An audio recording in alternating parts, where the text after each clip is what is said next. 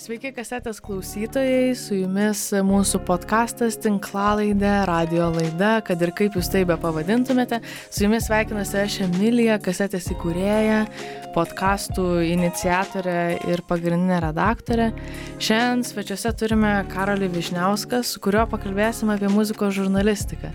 Jisai kaip esamas, gal labiau gal ir buvęs muzikos žurnalistas, e, mes su juo pakalbėsime grinai, kas yra muzikos žurnalistika statistika, kokia jinai yra, ar jinai iš viso dar vis yra aktuali ir reikalinga, kas turbūt yra labai didelis klausimas ir mum kasetės visai komandai.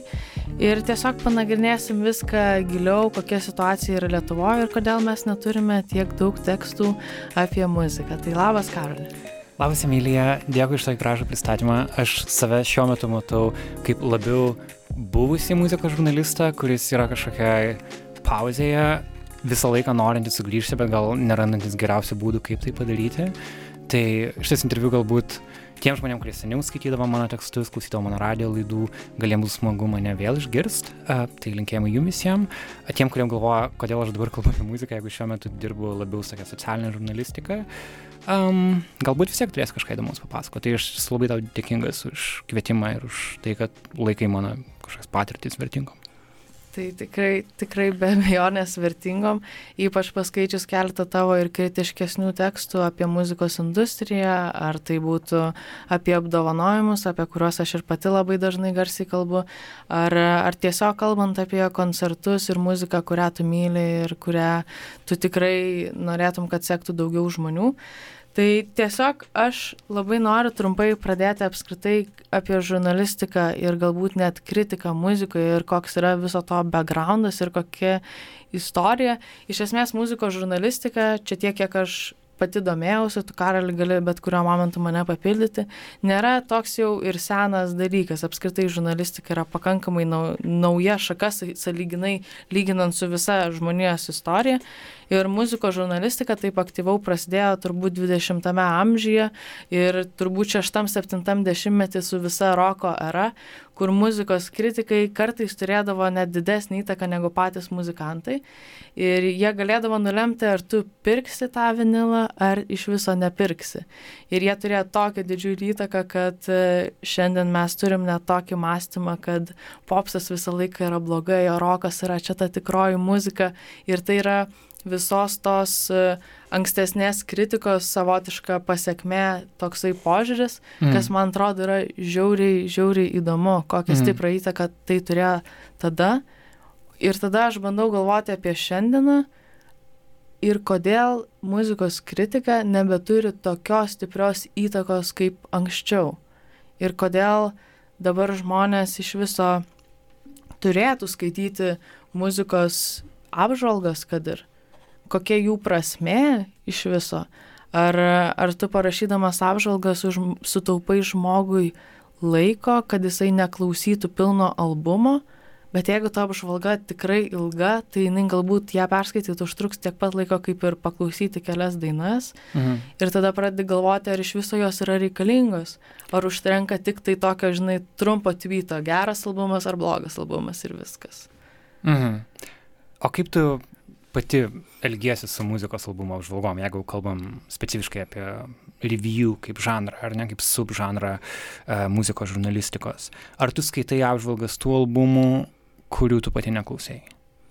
Pavyzdžiui, jeigu aš pati skaitau NMR, pavyzdžiui, Pitchfork, kas turbūt yra populiariausi saitai mhm. Uh, skaityti muzikos apžvalgas, tai aš visą laiką žiūriu albumus, kurių nežinau ir dažniausiai pažiūriu žanrą to albumo nes aš pagal žanrą galiu daugmaž pasakyti, ar tai yra į mano skonio pusę ar ne mano skonio, pažiūriu tai, pažiūriu tą apžvalgą daugmaž ir vos neskaitydama apžvalgą klausausi muzikos tuo pačiu metu. Mhm. Kad iš karto ir pati kažkokią nuomonę sudaryčiau, bet tuo pačiu ir turėčiau kažkokio kito žmogaus, kuris galbūt labiau kompetitingas toje srityje paaiškinimus, kaip jisai supranta ir patiria tą muziką. Mhm. Aš klausiu, nes uh, pats save analizavau šitam mm, šitos rytį, kaip, kokią man pačiam vertę sukuria muzikos albumo apžvalgų skaitimas, aš labai retai skaitau apžvalgas albumų, kurių pats nesu klausęs, nes, na, ten referuoja kažkokias dainas, kuriuo aš nesu girdėjęs, ar ne, arba ten referuoja kažkokią atlikėją, kurio galbūt aš nežinau. Tai tarkim, kodėl aš turėčiau tai skaityti apskritai. Tai um, Pitchfork turi savo tą Best New Music kategoriją, kuri kartais paskatina pasidomėti kažkokiu nauju atlikėju, kad, aha, šitas albumas pažymėtas kaip Best New Music, arba jis turi kažkokį aukštą balą, tu tarsi suteiki jam papildomą prioritetą klausant, e, renkantis ką klausyti, bet dažniausiai aš tiesiog paklausau albumą, kuris man patinka ir tada man įdomu, ką kiti žmonės apie jį galvoja. Ir tada aš e, žiūriu, ką koks aplink jį dialogas sukasi.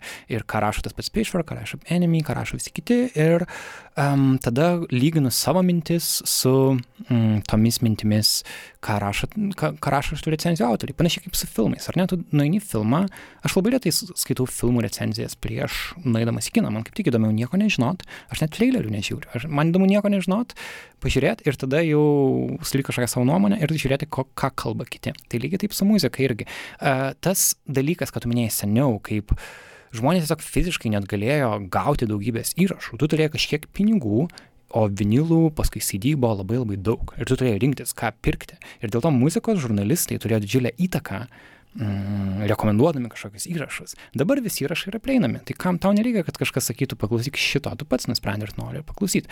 Tai muzikos albumų apžvalgos dabar tapo apsivertė viskas aukštinkojom. Tu neberekomenduoji, ką klausyti, o tu pirmiausia paklausai ir tada eini skaityti, ką kiti žmonės apie tai galvoja. Man atrodo, kad taip visa šitą ekosistemą veikia Ir vis dėlto apžvalgos vis tiek yra reikalingos, nes, žinai, įdomu yra dalintis savo kultūriniam patirtim. Įdomiau pažiūrėti filmą ir aptarti kažką su juo, negu tik pažiūrėti ir, ir likti vienam su to mintim. Lygiai taip su muzika. Yra įdomu paklausyti, bet dar įdomiau yra išgirsti, ką kiti galvoja. Irgi. Tai tiesiog tas dialogas ir diskusija, kur yra aplinkui, tai tas tave ir, ir turbūt domina šitoj vietoj. Uh, jo, uh, nes dažnai tu nelabai, hmm, ne visada tu žinai, ką galvoti apie tą dalyką, ar ne? Um, ir kartais uh, tu pats nežinai ir tu paklausai, ar tau čia patinka ar ne, ar čia yra nauja, žinai, kažkoks garsas, gal čia yra totaliai nesąmonė. Ir kartais kritikai gali skrai suformuoti, suformuoti tavo įspūdį apie kažkokį įrašą. Ir dar pridursiu, kad tu minėjai mm, apie, žinai, recenziją kaip rašytinį žanrą, tas irgi yra klasikinis, tai yra klasikinis formatas, bet man atrodo šiuo metu um, tai irgi ne visai yra tiesa, nes turbūt įtakingiausias muzikos apžvalgininkas šiuo metu yra bičias e, su The Needle Drop YouTube kanalu, ar ne? E, Anthony Fantano jo vardas yra, nežinau, ar pati jį žiūri, ar ne? Žiūriu. Tai jo, kai kurios albumo apžvalgos sulaukia, žinai, apie milijoną peržiūrų ir uh, keli šimtus tūkstančių, netgi apie kažkokias indie albumus jisai gali surinkti kelias dešimtis tūkstančių. Ir jeigu ir tai tampa svarbiau už, tarkim, Pitchforko recenziją. Tai e, visai įdomu, kaip e, tiesiog vienas vaikinas JAV susikūrė YouTube kanalą ir dabar yra vienas įtakingiausių žmonių muzikos industrijoje. Tai jo, čia šiaip irgi labai yra fenomenalus atvejis. Apskritai prisitaikymas prie naujų technologijų ir naujų platformų turbūt yra labai svarbi to dalis. Nes kaip ir tu sakai, iš pradžių turbūt tai prasidėjo nuo rašytinės recenzijos, bet viskas turbūt keliasi ir į tuos pačius podkastus, į video formatą, ką žmonės tiesiog dabar lengviau gali žiūrėti, lengviau galbūt suprasti ir tai yra jiems tiesiog labiau time efficient netgi.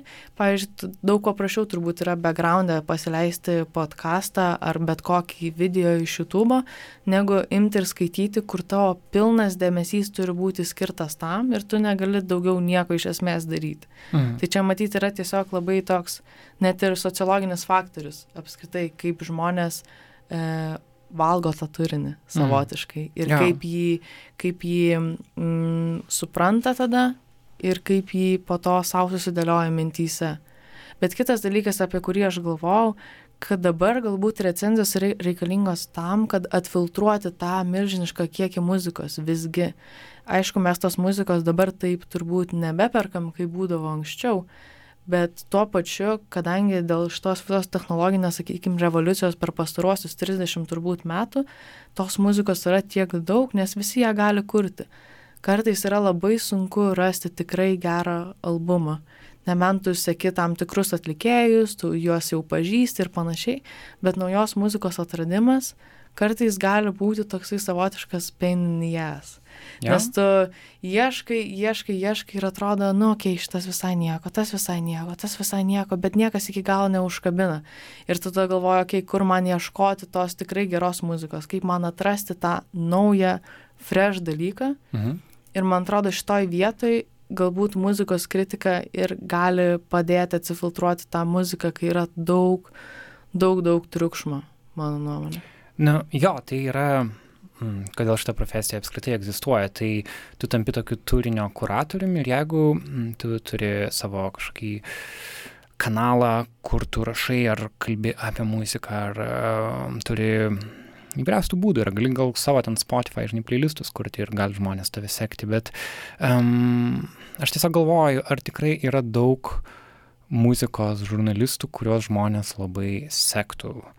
Man atrodo, kad jų yra vienetai. Ir um, kai galvoju savo paties muzikos atradimo kelius, um, aš pasitikiu aš, aš, aš pasitikiu keliais žurnalistais, aš klausau nemažai NPR radio laidų, ten jie tu, turi pačią tokią laidą All Songs Considered, kurią aš stengiuosi kas savaitę perklausyti, apie 20 minučių tokių naujų įrašų apžvalga, daug atrandu per ten, bet taip pat, pažiūrėjau, sakau tam tikrus labelus, nu, jeigu koks nors, uh, nežinau, Domino Records kažką išleidžia, aš turiu jų Spotify playlistą ir tai yra, žinai, aš pasitikiu to labelu ir Uh, tiesiog klausau, ką jie, ką jie išleido. Tai uh, muzikos žurnalistai yra vieni iš tų kuratorių, bet lygiai taip, tai gali būti tiesiog kažkokie fanai, tai gali būti kiti muzikantai rekomenduojantis kitus atlikėjus. Yra daugybė būdų, kaip kažkoks vienas ar kitas atlikėjas iškyla. Ir dažniausiai, ką aš pastebiu, kad tai yra tam tikra, na, mm, susideda iš, kaip, iš skirtingų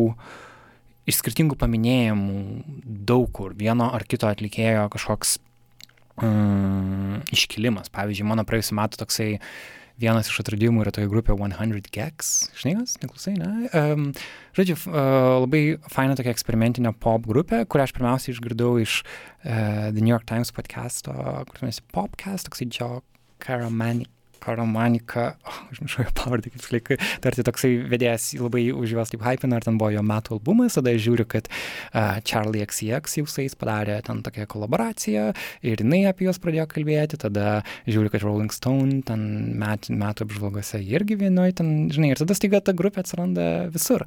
Um, nors tuo metu, kai išgirdau iš New York Times podcast'o, uh, Um, man tai buvo totali naujiena, aš galvoju, dieve, kas čia, kas čia, žinai, tai yra kažkas pirmasis, kas to papasakoja labai retai, tai būna vieno žurnalisto, vieno, vieno kanalo dalykas, dažniausiai jis išeina į visur.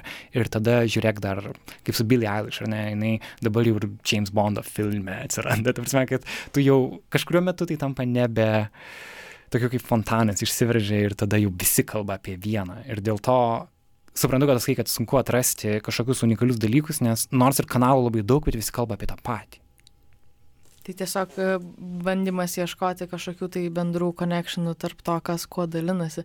Aš pastebėjau net ir, nu, nuo tokių paprasčiausių dalykų, kaip ir uh, Instagramo story, jeigu mm. nemažai žmonių matai, kad ir tavo tiesiog draugai, daug kas pasidalina tam tikrų albumų ar tam tikrą dainą, tu galvoji, o kas čia? Ir tada turbūt po trečio karto pamatymo to dalyko tu galėtum pats įsijungti. Čia yra labai simple net ir marketingo formulė, sako, tu reklamą turi pamatyti tris kartus, kad ketvirtą kartą tu galėtum ant jos jau paspausti ir tai jau būtų, žinai, action kažkoks tai. Jo, ir aš sutinku su tuo, bet tada, žinai, problema visame tame yra, kad um, mes, atrodo, žinai, apie ką garsiau kalba, tas automatiškai tarsi tampa geresnis tarsi, bet mhm. ar tikrai, pavyzdžiui, um, kokia nors, dabar čia skambėsiu kaip uh, rokistas labai dėlis, bet žinai, aš mane nudžiugino, kaip pavyzdžiui, sužinojau, kad kitais metais Lietuvą atvažiuoja grupė Pixies, ar ne? Bet, nežinau, Ar tu esi domėjusis Pixies, ar tau jie kažką reiškia, ar tau jie yra įdomus? Na, aš savo laiku tai jauni, nu, jaunystėje, paauglystėje tikrai jų neklausiau. Tačiau dabar aš aišku žinau turbūt vieną didžiausių hitų iš Fight Clubo. Taip. Ir mano tas toksai, nu, realiai visas knowledge apie juos, tuom beveik ir te užsibaigė. Aš žinau, kad jie ten turi vieną kitą albumą, kurie tikrai buvo well critically acclaimed, sakykim taip. Mm. Ir kad jie padarė ten nemažai įtakos kitiem, kitom grupėm, kurios jau Jo. sekė po jų.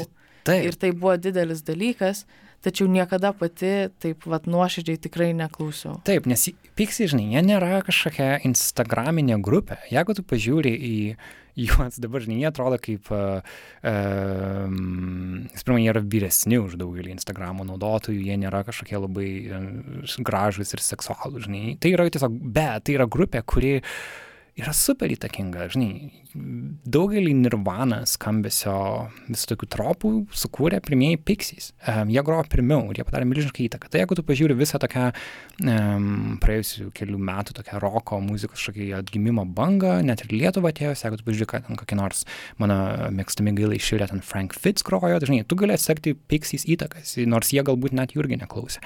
Tai um, galbūt muzikos žurnalistų rolė šitame pasaulyje dabar yra pabandyti paaiškinti, kodėl tokios grupės kaip Pixies yra svarbus, nes aš pavedu, kaip kažkada mm, buvom Opener festivalį Lenkijoje prieš čia nemažai metų ir ten vieni iš headlinerių buvo Pearl Jam ir atsimenu vieną, vieną pažįstamą, kuri irgi ne- nesidomėjo jais nekiek ir mato, kad ten surinko tūkstantį žmonių, nes ne, jie yra legendinė grupė ir jie groja ir neklauso ir sako, kas čia, tipo, kodėl čia, kodėl žmonėm tai patinka.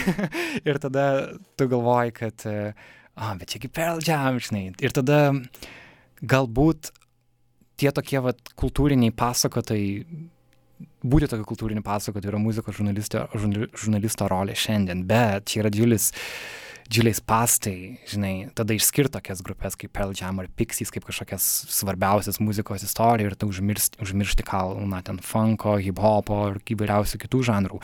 Atlikėjų, užmiršti moterų atlikėjus, užmiršti ne amerikiečių ir ne europiečių atlikėjus, žinai, nes čia yra problema, kad visas tas muzikos žurnalistų bendruomenės kažkoks konsensusas apie tai, kas iš viso yra gera muzika, yra žiauriai limituotas. Jeigu tu pažiūrė ten Rolling Stone, geriausių visų laikų atlikėjų sąrašus, ten rasi Bob Dylan, Rolling Stones, rasi kokį nors ten hmm, Bruce Springsteen.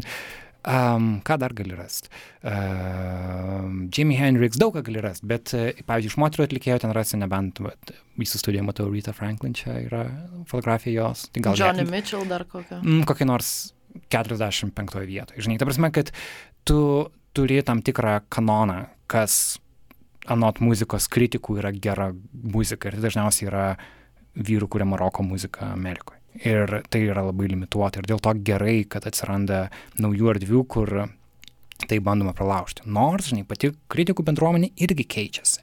Ir uh, nežinau, kiek nekeičiasi Lietuvoje, bet bent jau tokioje anglakalbėje erdvėje ji keičiasi. Stengiamas ir suprasti muziką plačiau negu tik tai e, keturi bičiai su gitara ir būgnais. Nu, bet čia turbūt ir yra pasiekmė to, ką aš pačioj pradžioj, žinai, sakiau, kad tas 60-ųjų kritikai pat ir prasidėjo nuo to, kad tai buvo roko reviews. Taip. Kad tai prasidėjo grinai, mes kalbam tik apie Nu, nes roką. rokas tuo metu buvo populiariausia muzika. Taip. Taip. Žinai, Beatlai buvo roko grupė, nu, labiau gal pop grupė tuo metu laikom, bet techniškai jie atitiko roko grup, grupės stand, nu, Standartus, standartą, taip, kaip, taip. kaip jie groja, žinai, negroja, ten sintezatorių nebuvo dar tuo metu sintezatorių. Tai va, tai um, jie, mm, jo, rokas tuo metu buvo populiariausia muzika ir natūralu, kad muzikos kritikai kalbėjo apie roką. Problema dabar, kad rokas nebėra populiariausia muzika, o muzikos kritikai vis dar kalba apie roką.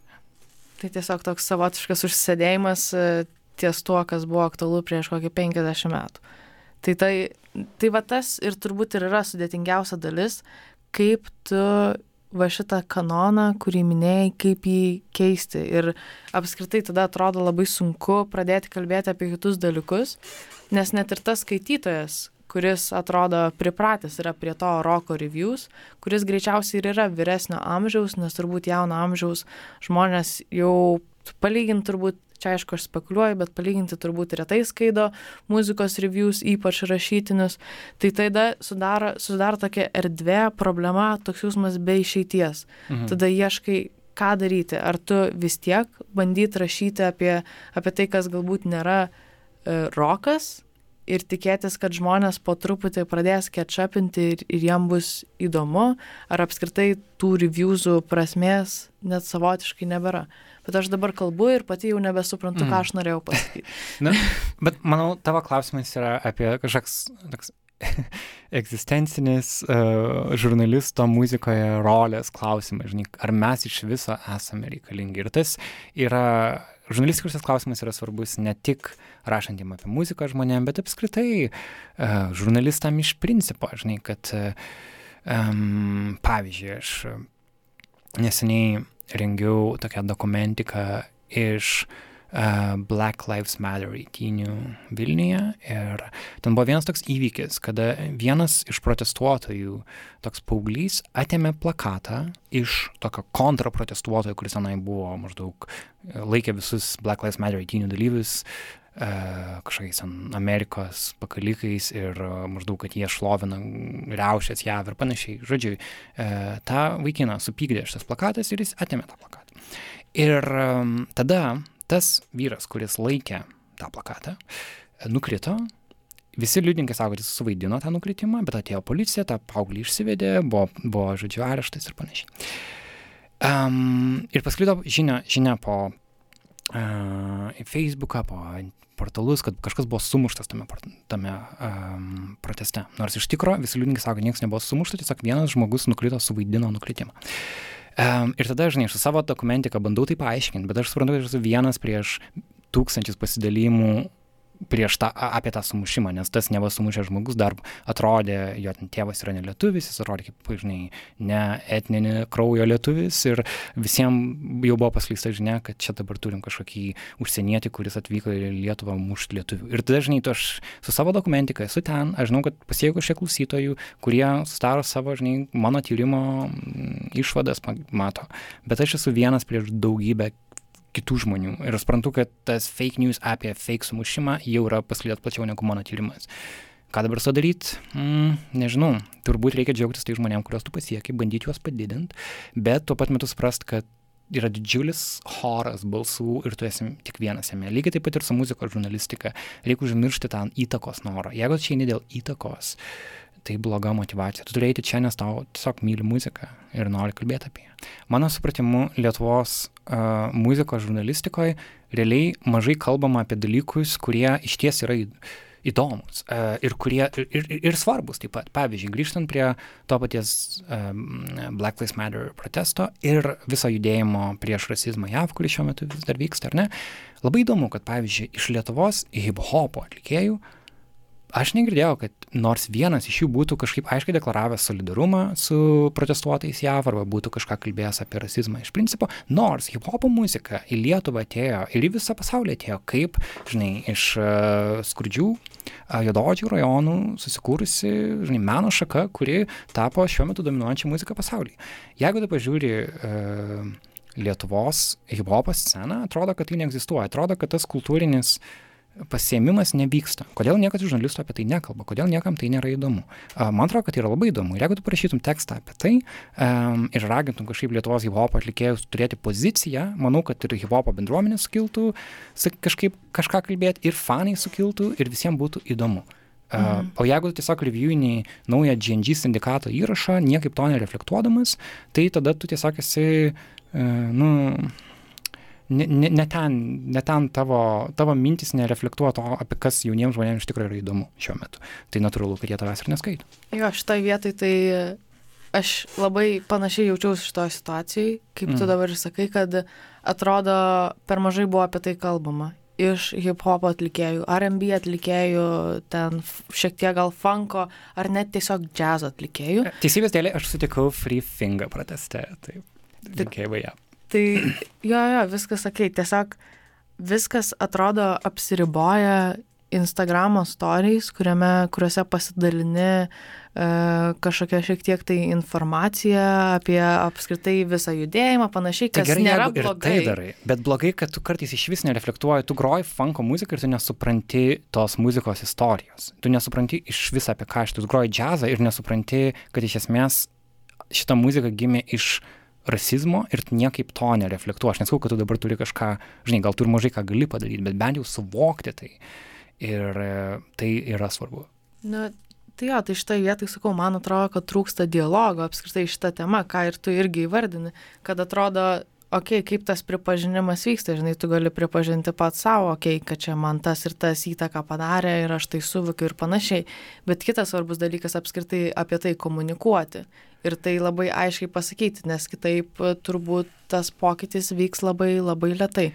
Taip, ir tiesiog mintis yra ta, kad suvokti muziką kaip platesnio kultūrinio konteksto dalį, ar ne, kad jeigu o, mm, mes kalbame, nu, pavyzdžiui, hipių judėjimas visai gerai yra įsisavintas Lietuvoje, kad tu supranti, kad ši muzika atėjo kartu su laisvės idėjomis, su kažkokia ten gėlių įvaizdžiu ir dar galbūt mažiau minimi narkotikai, kažkaip Lietuvoje taip nu, nutylimi, atrodo kaip tabu tema, nors jie buvo labai svarbu, žinai, visam. 60s rock and roll. Tai um, reikia man atrodo, apie muziką reikia kalbėti kaip platesnės kultūros dalį ir tada e, žmonės, kurie domisi platesnė kultūra, atras ir muziką joje. Dažnai, man atrodo, Lietuvoje apie muziką kalbama tik tokiam vat, griežtai muzikinėme uh, kontekste, uh, kas paskui, na, sunku žmonėms sustapatinti, man atrodo. Ir tada aš iškart e, prisiminiau, aš rašiau vieną straipsnį apskritai apie, apie tai, kas nutiko su Black Lives Matter, bet iš muzikinės pusės. Tai Ir ypatingai, tai ja, kaip... ypatingai apie urban žodžio cancelinimą. Taip. Tai rašiau apie tai tekstą ir, ir aš norėjau pakalbinti kai kuriuos hip hop atlikėjus. Taip. Ir, ir iš esmės finale gavosi, kad žmonės atsisakė tai padaryti, nes aš išsiunčiau klausimus ir jie ne visai žinojo, kaip atsakyti. Tai aš tada pradėjau galvoti, okei, okay, tada labai yra didelis edukacijos trūkumas šitą temą. Jie tiesiog nežino apie ką.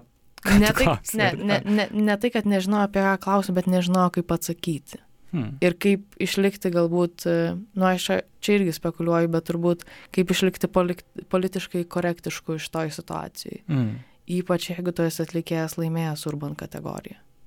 Mm. Tai žinai, tada tokioj vietoj tu, aš irgi šitoj vietoj labai jaučiausi confused, nes aš pamenu, mes su Tomu gruodį kalbėjomės apie jo šitą nominaciją ir kad, mm -hmm. tipo, okei, okay, gal ir lyg ir atrodo viskas gerai, kad apdovanojimai apskritai tokia kategorija lyg ir tuo metu atrodė, kad gerai, kad atsirado tokia kategorija. Apie mamą. Mama, mama turi urban kategoriją. Taip, kuri buvo paskelbta šiemet. Okay. Tai buvo visiškai nauja šviežia kategorija ir Tomas buvo joje nominuotas ir, Frifinga. Jo, kontekstą dėliai Grammys atsisakė žodžio Urban taip. realiai nuo šių metų, man atrodo. Liko Bet gal tam laiką. Prieš mėnesį jie ir atsisakė. Taip, taip, po, realiai po po skandalo. Taip. Um, man atrodo, ten liko berots uh, latina muzikos kategorija, kažkoks dar urbano taip, taip, taip. ar kategorija, bet iš principo iš tas žodis yra laidojamas. Kai tarpu Lietuvoje yra jo mamą su Urban kategorija, 15 minučių portalas su savo Urban jaunimo skiltimi. Jo, tai vat, e, va šitoj vietoj aš atrodo net pati pasijaučiau uždaryta į tokius rėmus, mm. nes buvo sukurtas tas podkastas su Tomu, kur mes sakėm, kad jo, kaip faina, kad yra nauja kategorija, kurioje galės tipo ne tik hip hopas, bet visas mikščių ir, žinai, RB susidėti į vieną ir lyg ir atrodė viskas ok. Bet ir tau atrodė ok taip, tuo metu. Taip, ir okay. man atrodo tuo metu ok. Ir aš e, net ir savo straipsnėje tai visai tiesiai ir pasakiau, kad aš pati tuo metu nežinojau to konteksto ir tai buvo mano pačios uh, pamoka. Taip. Kad kitą kartą aš žinosiu, kad tokius dalykus reikia labiau galbūt researchinti ir žinoti tą backgroundą. Taip, ir čia yra labai gerai. Tu mokais, ta prasme, mes visi mokomės. Dieve, mes užaugom čia, žinai, Lietuvoje tikrai tu studijavai Londone, aš kažkur keliavau po JAV, mes visi turim galimybių pažinti pasaulį daug daugiau negu mūsų tėvų kartą turėjo ir mes, žinai, džiaugiamės jomis, mes turim internetą, gauti informaciją, bet iš esmės tu turi edukuoti save nuolat. Ir problema ta, kad Lietuvos atlikėjai, mano supratimu, labai mažai tą daro. Pavyzdžiui, koks nors ten Mario Basanovo pavyzdys, Ten Walls pavyzdys yra labai klasikinis to atvejs, kada jisai kūrė house muziką, visiškai nesuprasdamas, kiek svarbi LGBT bendruomenė šitos muzikos istorijai ir tada jisai parašė homofobišką komentarą Facebook'e ir visai gynėsi. Tai žinai, tu darai muziką. Čia kaip būti, žinai, kurti hip hopą ir būti rasistu. Ta prasme, tu negali vienu metu to suderinti. Tai nesuderinama iš principų. Tai um, apie tai, jeigu muzikos žurnalistai keltų tokias temas, manau, kad jie būtų skaitomi. Jie, nes tai yra, kas realiai šiuo metu visuomenė yra įdomu. Jeigu tu, sakau, tiesiog apžvelginėjai koncertą, na, tai irgi įdomu gal, bet e, čia toks dramblio kambaryje nelietimas, žinai. Jo. Tai va visa ta kontroversija, ką norėjau ir tęs pasakot, tai yra ne tik tai, kad mes su Tomu įrašėme tą podcastą. Mhm. Finale aš ir rašau toj sekcijai 15 minučių urban. O dieve rimtai. Ir ta sekcija, jie ir išleido tą straipsnį apie oh. urban terminą. Okay. Ir, ir po to straipsnio aš kol kas, vat, praėjo beveik mėnesis, aš neparašiau nieko kito tenai ir aš nežinau, ar aš mm. tęsiu. Bet, bet tiesiog man užsidėjo labai didelis klaustukas, net ir apie tą terminą. Aš mm. visą tą tekstą, kai rašiau, yra labai daug, sakykime, kontroversijų apskritai su žodžio kilme ir su žodžio reikšme, mhm. kaip jisai buvo vartojamas ir apskritai kodėl jis yra cancelinamas. Nes man toks įspūdis susidarė, kad buvo labai savotiškai prisidengta visų kontekstu ir dėl to išcancelintas šitas žodis. Mhm. Nes iš esmės jisai tiesiog yra pasenęs ta prasme, kad jisai negali būti žanras, nes yra per platus. Mhm. Vienas dalykas. Tai yra tiesiog netikslus terminas. Mhm. Tai bet kokiu atveju, net, net nesvarbu, ar jis būtų rasistinis, ar būtų nerasistinis, jisai yra netikslus ir vien dėl to jis turėtų neegzistuoti. Mhm. Bet aišku, labai svarbu irgi yra turėti mintį, kodėl tas žodis atsirado Ta. ir kokią reikšmę tam tikrai bendruomeniai jisai turi. Mhm. Nes šiuo atveju tai buvo kad e, jeigu neklystu 70-aisiais buvo Amerikoje tokia kaip ir reforma, kad iš lūštynų buvo iškeldinami žmonės ir tiesiog ten statomi nauji pastatai ir panašiai, tai iš tokių užmeščių buvo iškeldinami žmonės, varguoliai, tarp kurių didžioji dalis tikrai buvo afroamerikiečių bendruomenė. Tai mhm. čia tikrų tikriausiai. Ir jiem ta urbanizacija kaip procesas asocijavosi su blogu dalyku, nes jie dėl to prarado namus. Tai čia ir yra visas tas backgroundas, kuris mhm. buvo dar prieš tam radio didžėjui, uh, padarant ten tą savo laidą su žodžiu urban ir apibūdinant visą hip-hopo, RB ir funko muziką šitų terminų. Tai tiesiog šitoj vietoj aš tikrai sutinku, kad tai yra galbūt įžeidus žodis tai bendruomeniai, mhm. bet šitoj vietoj ir šitų laikų man atrodo, kad tai buvo tiesiog pasinaudojimas savotiškų šurmulių, tam, kad panaikinti žodį, kuris tiesiog yra netikslus. Mhm. Ir kuris net nežinau, nusakau, man labai keista buvo, kad tiek daug skirtingų nuomonių šią temą yra. Tiek tų pačių afroamerikiečių. Mhm. Mhm. Nu jo, reikia Mm, reikia įsigilinti daugiau į šitą, į šitą temą. Jeigu, jeigu mes kalbėtumėm apie urban žodį ir apie jo istoriją ir kiek jisai Lietuvoje gali būti naudojamas. Um, aš irgi pats, aš neturiu tvirtos nuomonės, nes aš uh, jo nesu iki galo tuo domėjęs. Mano, mano pati gal pozicija būtų ta, kad um, jeigu tu, čia jau 15 minučių atveju, jeigu tu rašai į urban kategoriją ir tavo visi autoriai yra, mm, žinai, balti lietuviai, nu kažkas yra, man tai atrodo, kaip žodžio apropriacija tam kontekstui.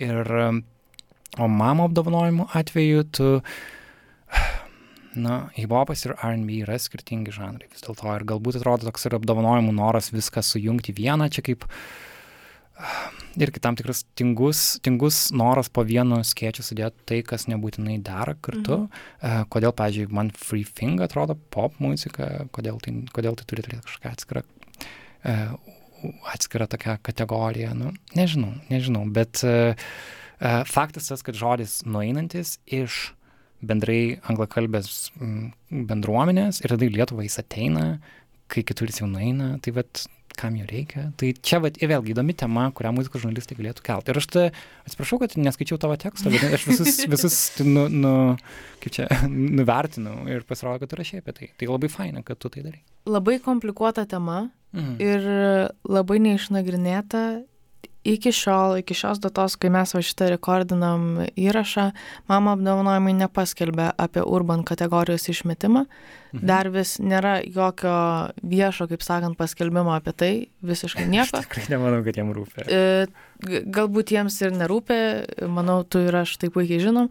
E, bet, e, bet problema yra ir, ir tiesiog kartais labai gaila, kad mes savotiškai užsisėdėme vietoje ir galvojam, kad viskas išspręs savaime, kai taip tikrai nebus.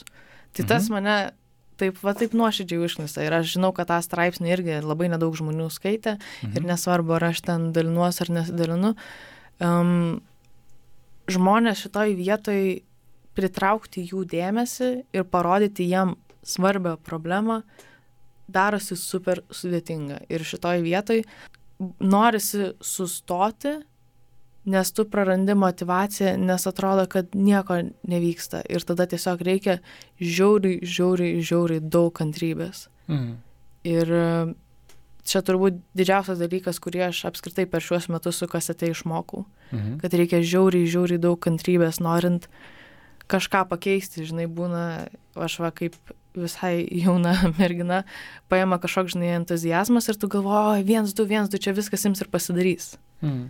Bet taip, bet jo, čia turbūt tik per pastaruosius mėnesius tai taip rimtai suvokiau, kad kai kurie dalykai tikrai užtrunka ir reikia labai mokytis būti kantriam.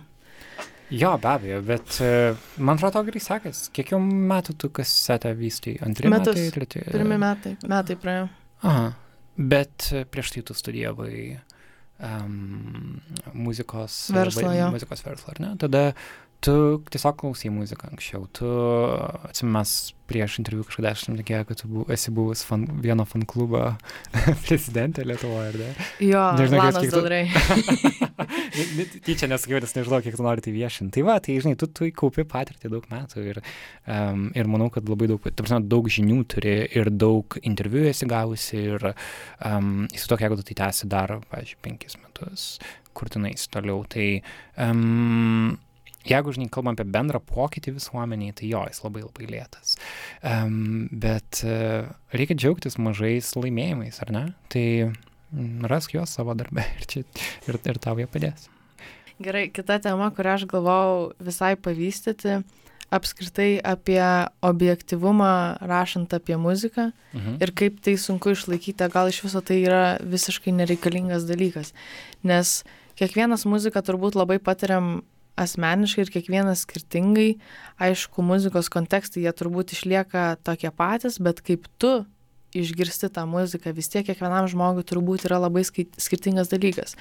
Tai ar muzikos kritikas, ar muzikos kritiko galbūt tikslas ir turi būti kiek įmanoma objektyvesniam tapti kuo kiek įmanoma objektyvesniam ir žinant tuos kontekstus, kaip įmanoma objektyviau perduoti tą, sakykime, kažkokią tai bendrąją tiesą apie mhm. tai, koks tas albumas yra, ar buvimas subjektyviu nėra blogas dalykas ir tu gali mhm. tiesiog rašyti ir išreikšti, kaip tu patyrei tą muziką, žinant tam tikrus kontekstus.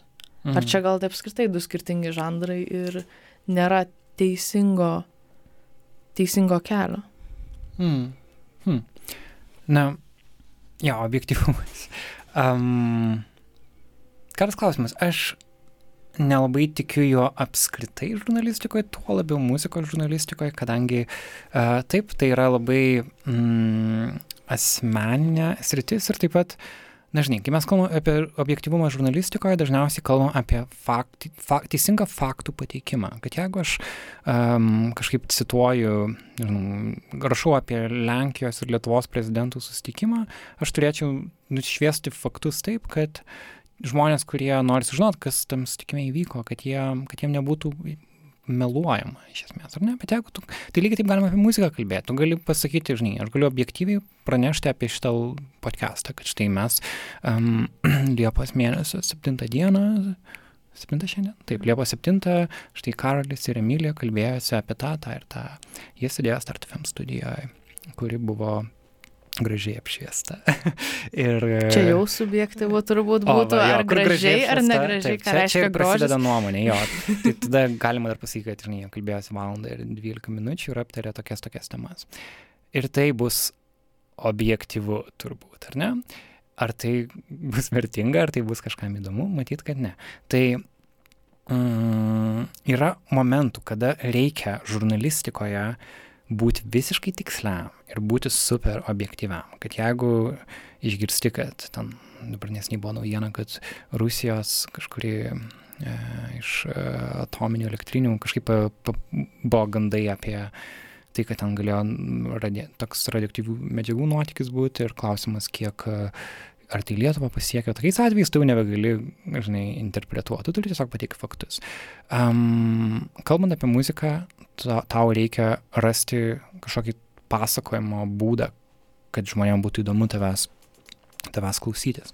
Tai uh, mano supratimu, tu kaip muzikos kritikas turi turėti tam tikras vertybės, kurio, kuriom tu kuriam tu vadovaujasi, ar ne? Kad, kad jeigu tu, pavyzdžiui, klausai, kažkas skaito mano tekstus, Aš beje pamiršau paminėti, kad aš vis dar rašau muzikos tekstus į žurnalą Verslo klasę kiekvieną mėnesį, kuris yra visai kitos auditorijos, toks kaip kažkoks mažas, mažas dalykas, kurį aš darau. Tai ten aš vis dar rašau nuo 2015 metų. Tai um, ten žinai, tu turi turėti tam tikras vertybės. Ir žmonės, kurie skaito mane, jie turbūt žino, kad aš daug nežinau, pažiūrėjau, apie elektroninę muziką aš mažiau rašau apie ją. Jie galbūt žino, kad aš mažai žinau apie tą vadinamą world muziką. Um, ir dėl to aš nelabai lendu į jos pasaulį, bet aš galbūt daug žinau apie indie muziką, daugiau žinau apie pop muziką. Aš turiu tam tikras vertybės, kaip norą plėsti kaip tam, normalizuoti pop muziką arba norėti ją turėti įvairesnę, man rūpi, žinai, man rūpi įvairūs, kam scena yra atvira, o kam ne. Man noris, kad būtų daugiau, žinai, iš regionų muzikantų, daugiau įvairių uh, tautybių, lyčių muzikantų ir taip toliau. Tai vad, jeigu jums įdomu tokie dalykai, tai skaitykit mano tekstus ir juose kažką rasit. Tai, uh, tai, tai, tai va, Tai mano manimu, klaida yra muzikos žurnalistų, kada jie bando apsimesti, kad jie išmano viską, nes taip nėra įmanoma, negali sekti visų scenų. Tai um, jeigu tu turi vieną sritį, kurioje tu gerai jautiesi ir apie kurią tu kalbi, um, viskas tvarkoja. Svarbu, kad žmonės tavo skonį pasitikėtų. Aš, pažiūrėjau, kai klausau, ne anksčiau klausau NPR All Songs Considered, aš klausau dainų, kurias jomis pasidalina jų, jų vedėjai ir man dažniausiai jos patinka. Ir, um, ir jie susikūrė kažkokį artumą su manim. Tai vad svarbu tą artumą išlaikyti.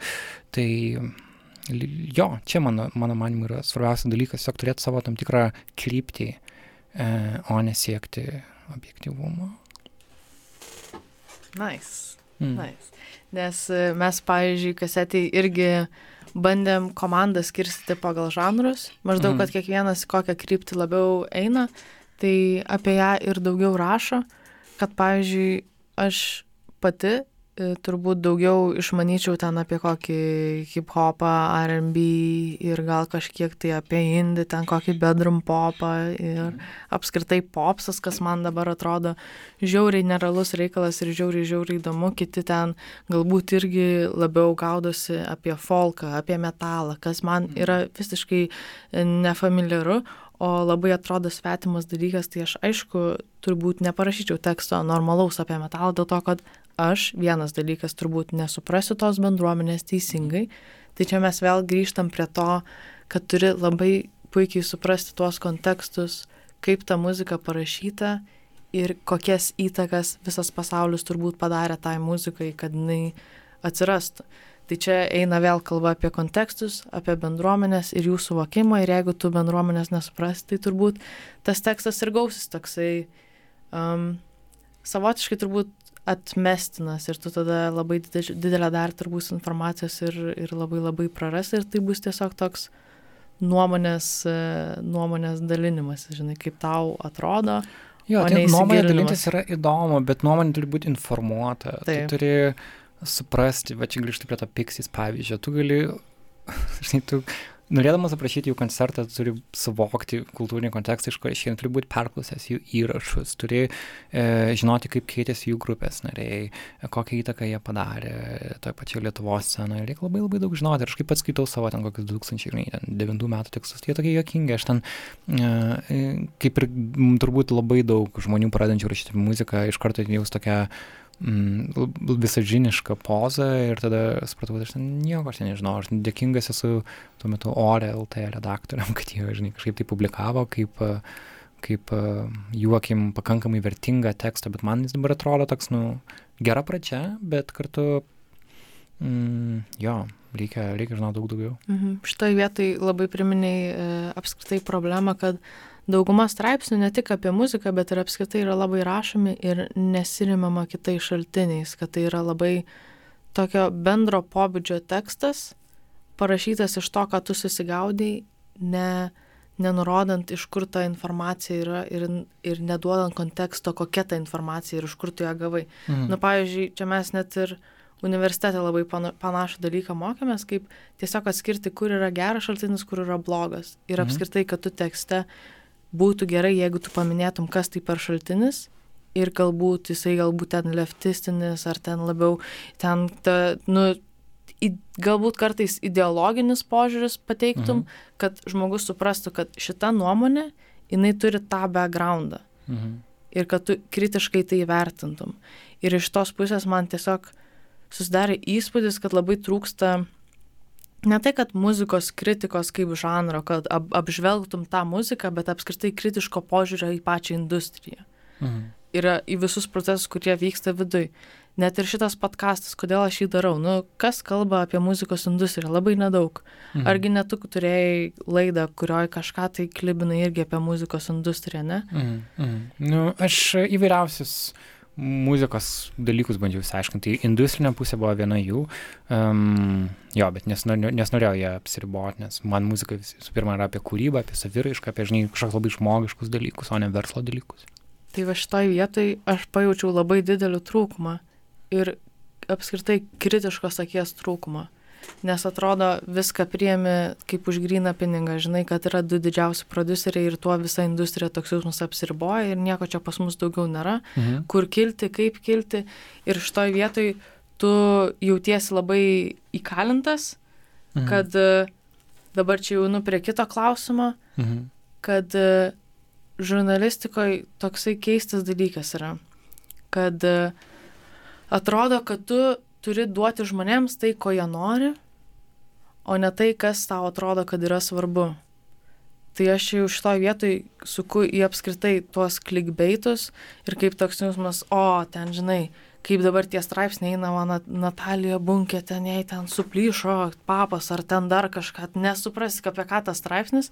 Ir gaudama ant tokių savotiškų nesąmonių, o neieškoma vertingo turinio, nesvarbu, kad žmogus galbūt iš pradžių jo nesupras, kad jisai yra vertingas ir nepaspaus. Jo, bet tarkim, man atrodo, bunkės atveju kažkokį klipą paleido, nes ne, ir ne, kaž, kažkas kažkaip nebuvo sugrįžus į antraštės, bet tai aš net nesu tikras, ar tai ėjo po muzikos kiltimi, tai buvo tiesiog, ji, ji tiesiog turi tą tokį skandališkumą. Na, tam tikrą įžymybės Lietuvoje mm, rolę. Ir man būtų tikrai labai įdomu paskaityti kažkokią analizę apie ją, žinai, kokį vis dėlto savo laiku jos grupė buvo viena populiariausių grupių Lietuvoje. Ir jinai formavo ir tam tikros pop muzikos skambesį ir apskritai įvaizdį, kaip turi, žinai, atrodyti moteris visuomeniai, kaip uh, kaip muzikantė, tiksliau dainininkė turi atrodyti, žinai. Tai um, man atrodo, tokios šaltesnės analizės apie bunkės fenomeną man tikrai būtų įdomu paskaityti.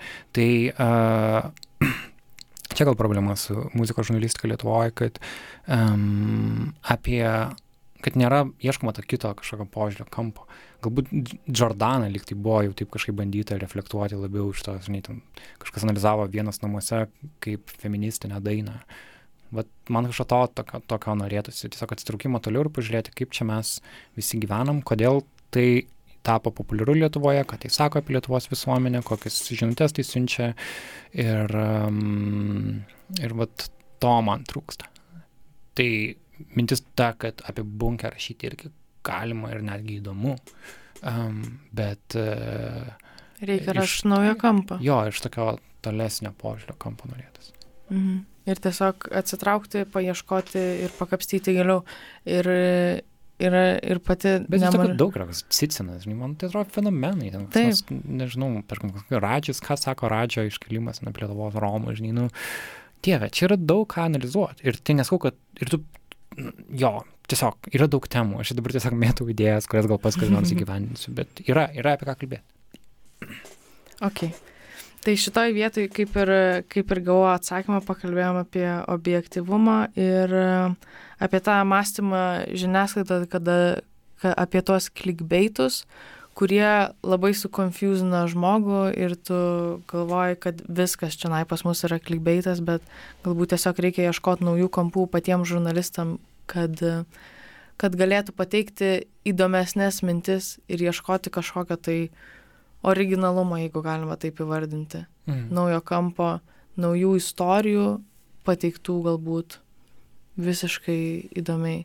Mm. Ir kalbant apskritai apie tą tokį, žinai, kad nėra daug įdomių straipsnių apie muziką, ką irgi tu paminėjai, kad atrodo, tu nori pasiskaityti, bet yra vienetai žurnalistų Lietuvoje, kurie uh, kažkaip giliau pakapsto ar pačią muziką, net ir iš tos pačios interviu pusės, mhm. nes taigi irgi yra muzikos žurnalistika. Ta. Iš interviu pusės irgi tokios gilesnės analizės, gilesnių klausimų ir tie jo, tokie, žinai, kur būna, kas tave įkvepia.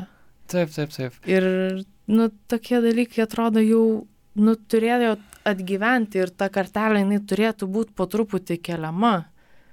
Ir atrodo taip liūdna, kad, kad jinai labai sunkiai keliasi ir yra tik tai, sakau, turbūt viena tai žmonių, kuriuos ir pati turbūt asmeniškai pažįstu, kurie, kurie bando keltą kartelę ir ieško to naujo kampo, apie kurį tu ką tik užsimeni. Nu, bet daug žmonių, žinai, yra žmonių, kurie Lietuvoje supranta muziką ir kurie gebėtų užduoti įdomus klausimus. Tiesiog jie dirba kitus darbus labai mažai kas lieka muzikos žurnalistikoje ilgiau nei keletą metų, nes tokios kaip kategorijos, net nelabai, tu, tu nelabai iš to karjeros gali susikurti, nebent tu kuri kažkokią savo atskirą erdvę, ką vat, darai, darai tu su kasetės projektu, ar ne, yra galbūt galimybė tapti radio laidų didžėjim, galbūt e, koks nors Lietuvoje, žinai, gal vienintelis yra Ramūnas Zilnio atvejais, kada jisai daug metų tai darė, tebe daro, dabar jis tarsi pakilo karjeroje į LRT vieną redaktorių poziciją.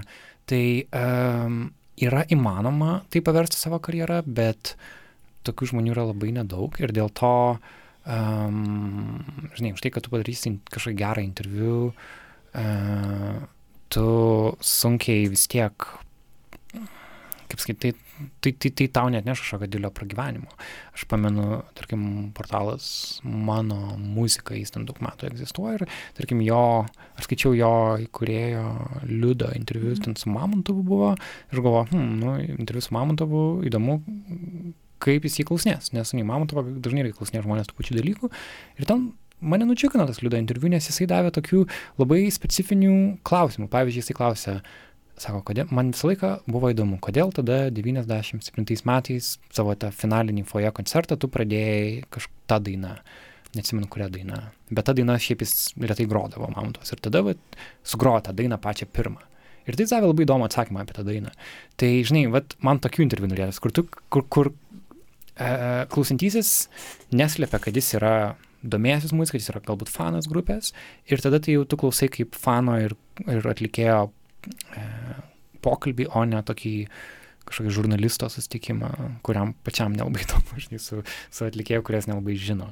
Bet vėlgi, žinai, liudo atveju jisai niekada ne, nevertė šitos mano muzikos savo kažkokią karjerą, jisai jis dirbo anksčiau su e, politikoje, paskui dabar nežinau, ką jis šiuo metu veikia, bet tai, žinai, tai visą laiką buvo kažkoks hobis. Ir kiek tu gali norėti, kad hobis tęstųsi. Jo atveju tęsiasi, kitų žmonių ne.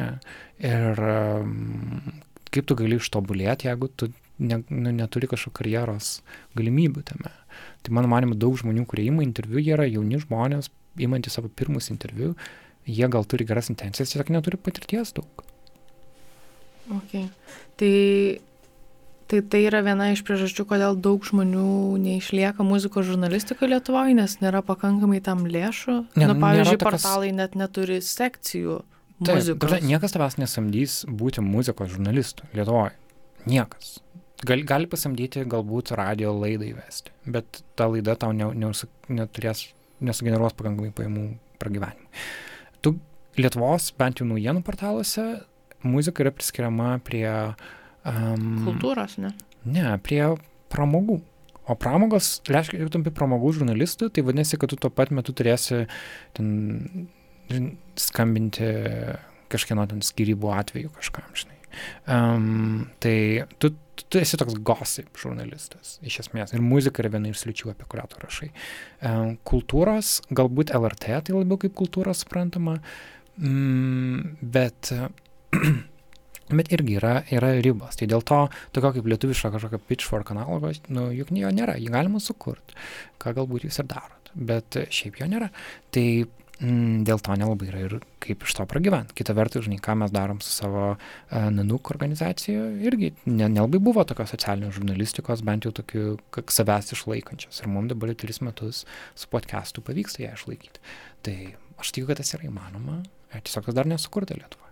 Tas be anksčiau buvo sukurta, kada buvo ten, žinai, žurnalas ausis ir panašiai. Mhm. Nors kai pažiūrė jų finansavimą, ten irgi ėjo, viskas buvo tiesiogiai susijęta su vienu labelu ir tas labelas finansuodavo tą žurnalą. Tai čia dar kiti. Na, tada irgi labai šališkumas išaiškėja, jeigu jo, tam tikras labelas, tai jisai pušint savo muziką, kad apie ją būtų rašoma. Tai, tai šitoj vietai nu, negali, negali visko labai išgrįna pinigą paimti, nes turbūt galbūt ten nu tiesiog nuomonės nuokrypis gali būti į to leiblo galbūt pusę. Hmm. Tai jo. Tai jo, šitą dalyką teko pastebėti, kaip sakai, ir tau, ir man, kad muzikos žurnalistika yra toksai, nu, kaip bebūtų keista, tai yra labai didelė niša. Mhm. Tarp kitko, šiemet buvo išleistas ir gal ir tu matėjai žurnalas Review, Mm. Review tipo lietuviškom raidėm. R-E-V-I-U.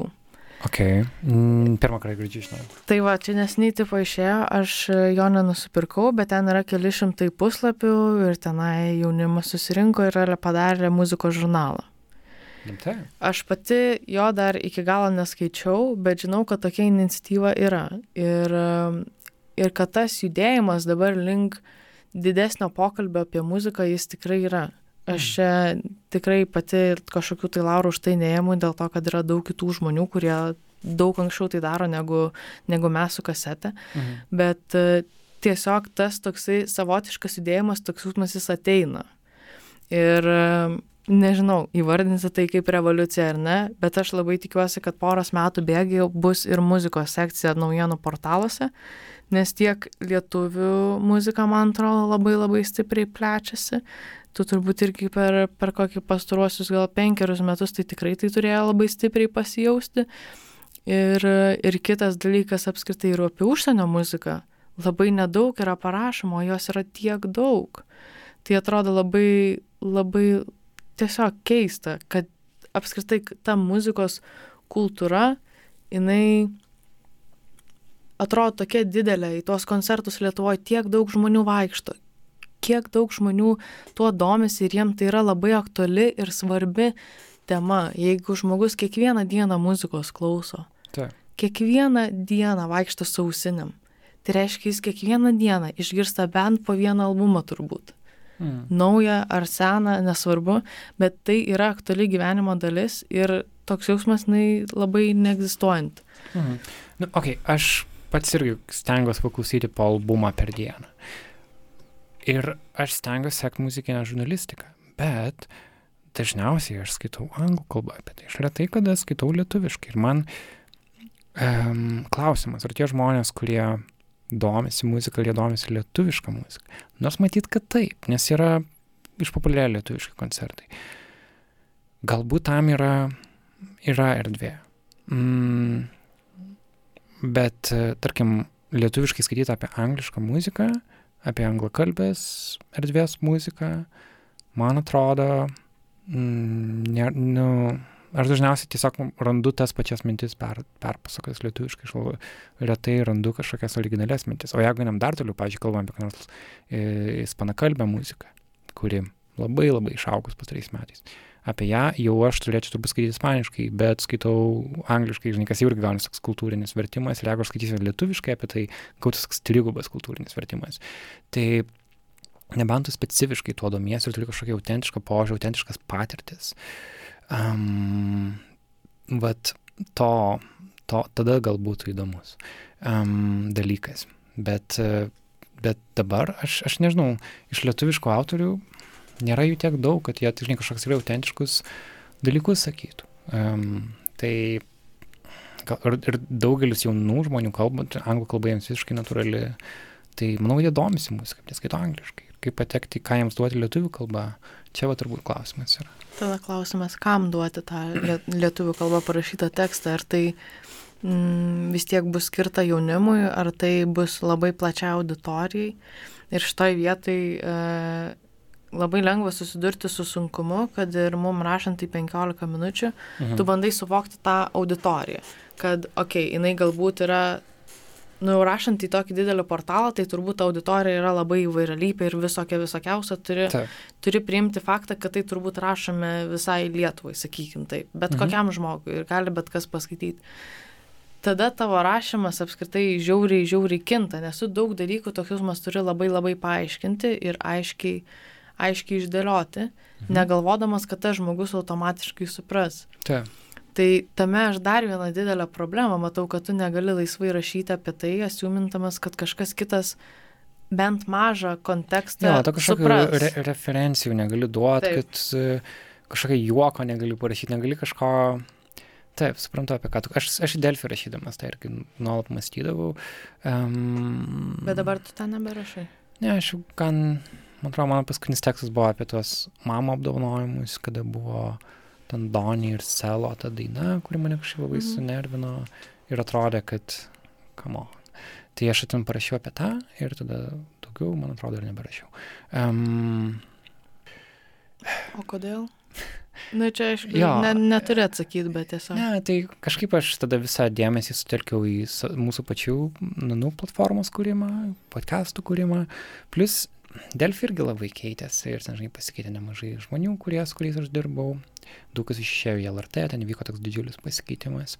Um, ir grinai iš politinės pusės tokios, žinai, Delfi publikuoja dažnai tekstus, kurie mano manimu, ypač nuomonės, tipo tekstus, kurie yra labai žalingi visuomenį, faktų nepatikrintų, apie, apie tas, tas pačias Black Lives Matter eitynės, ten buvo tiek daug parašyta dalykų, kurių save gerbinti žiniasklaidos priemonė turėtų, mano manimu, publikuoti ir dėl to, žinai, būti to dalimi. Dezinformacijos, ta prasme, buvo labai daug. E, jo, ar tokių, mhm. tokių labai, labai radikalių nuomonių, kurios nėra, nu, nu, nėra pagristos.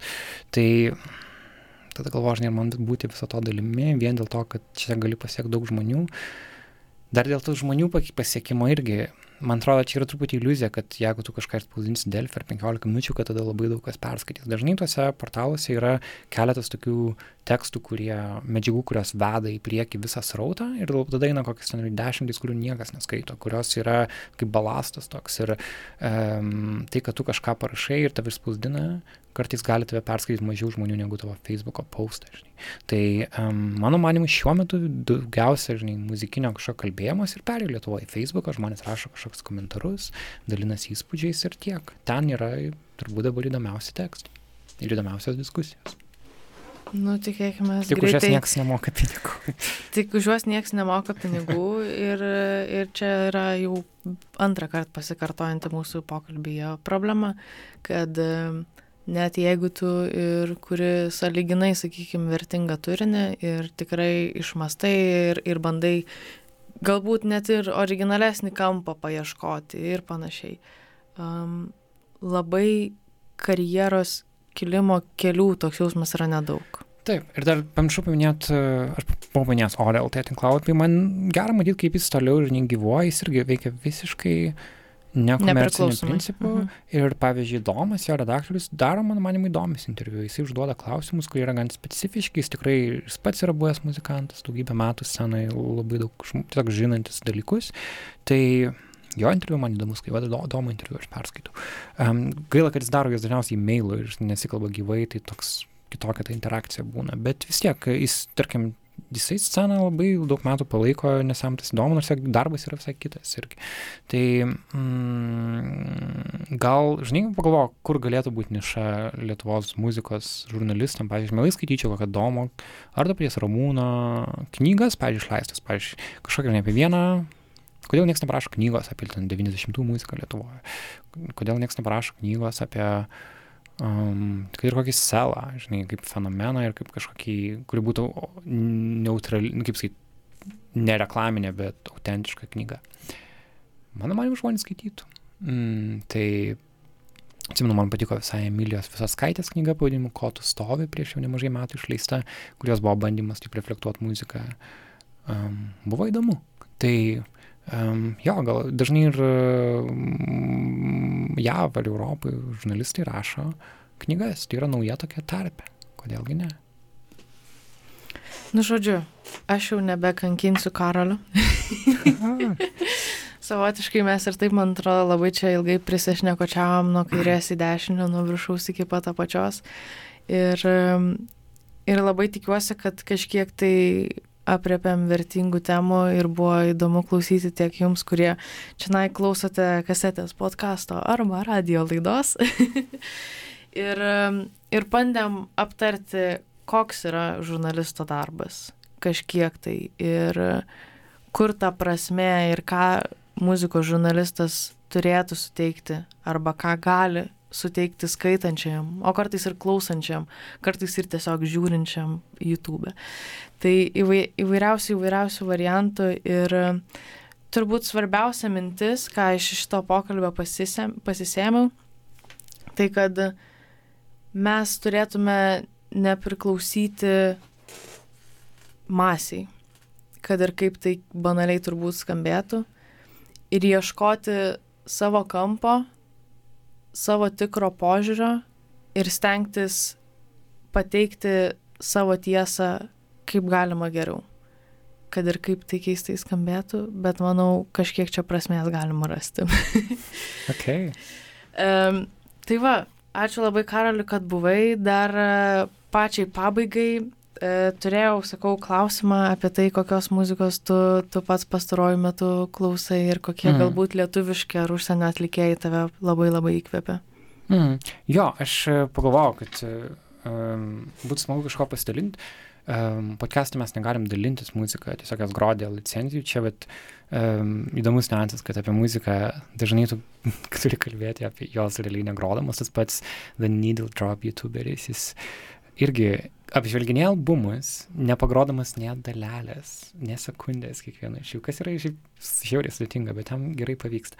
Um, jo, tai aš pagalvojau, kad lietuviška scena mane, nuo jos gal pradės, tikrai labai džiugina. Um, kaip minėjai, kad yra labai daug naujų atlikėjų ir um, tokio gyvybės daugiau, nežinau kiek dėl pandemijos jos mažėjęs, bet iš principo pagreitis labai labai geras.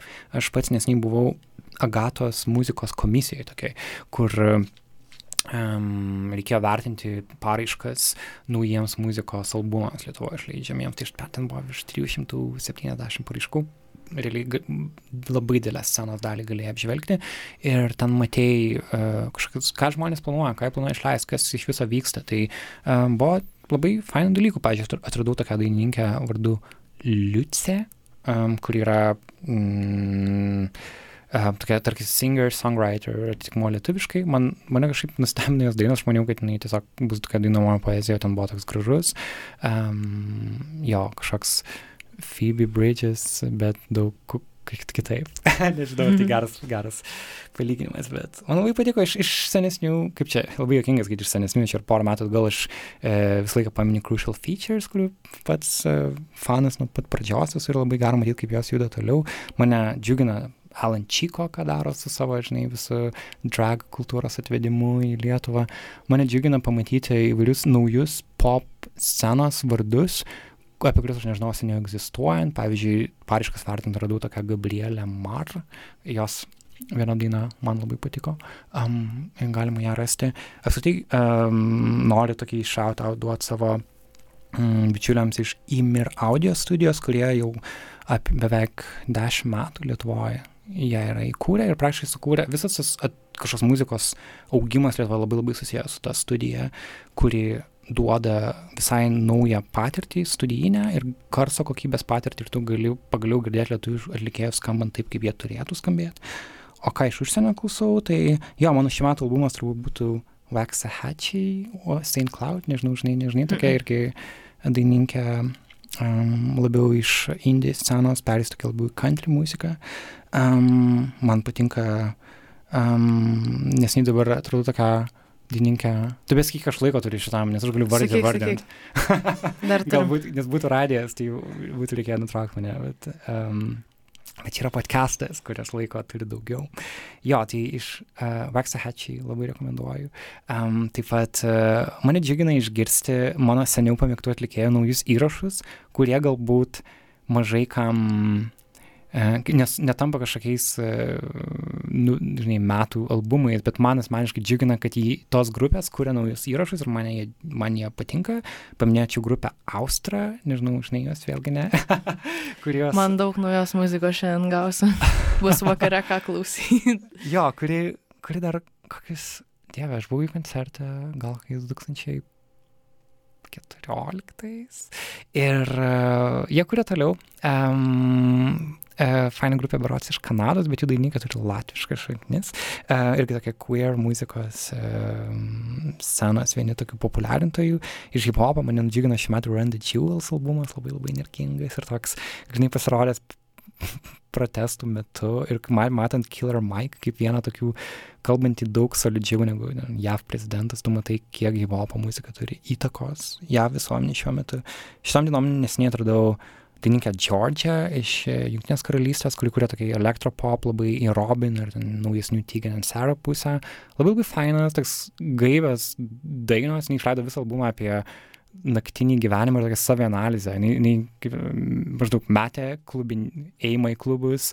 Um, man atrodo, kad metė sakė alkoholio, tapo, tapo veganė ir galiausiai reflektavo visą šitą savo naktinį laiką ir išleido puikų, smagų albumą ir tokį protingą albumą apie tą laiką.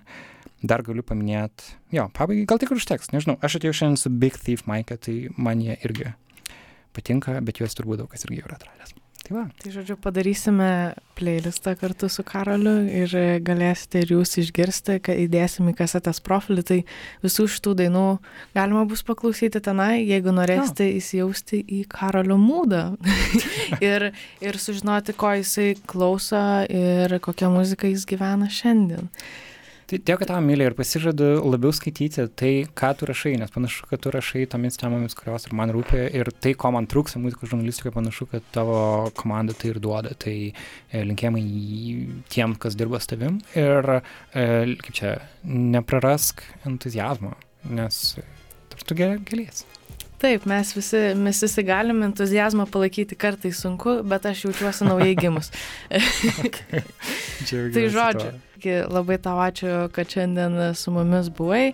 Jums klausytojams duodu žinoti, kad jeigu norite paremti mūsų veiklą, tai galite padaryti Patreonę arba perkant mūsų meršą, kurio šiaip jau nelabai daug liko. Tai, tai va, tai tiek šiandien, ačiū, kad klausėte ir iki kitų kartų. Ata.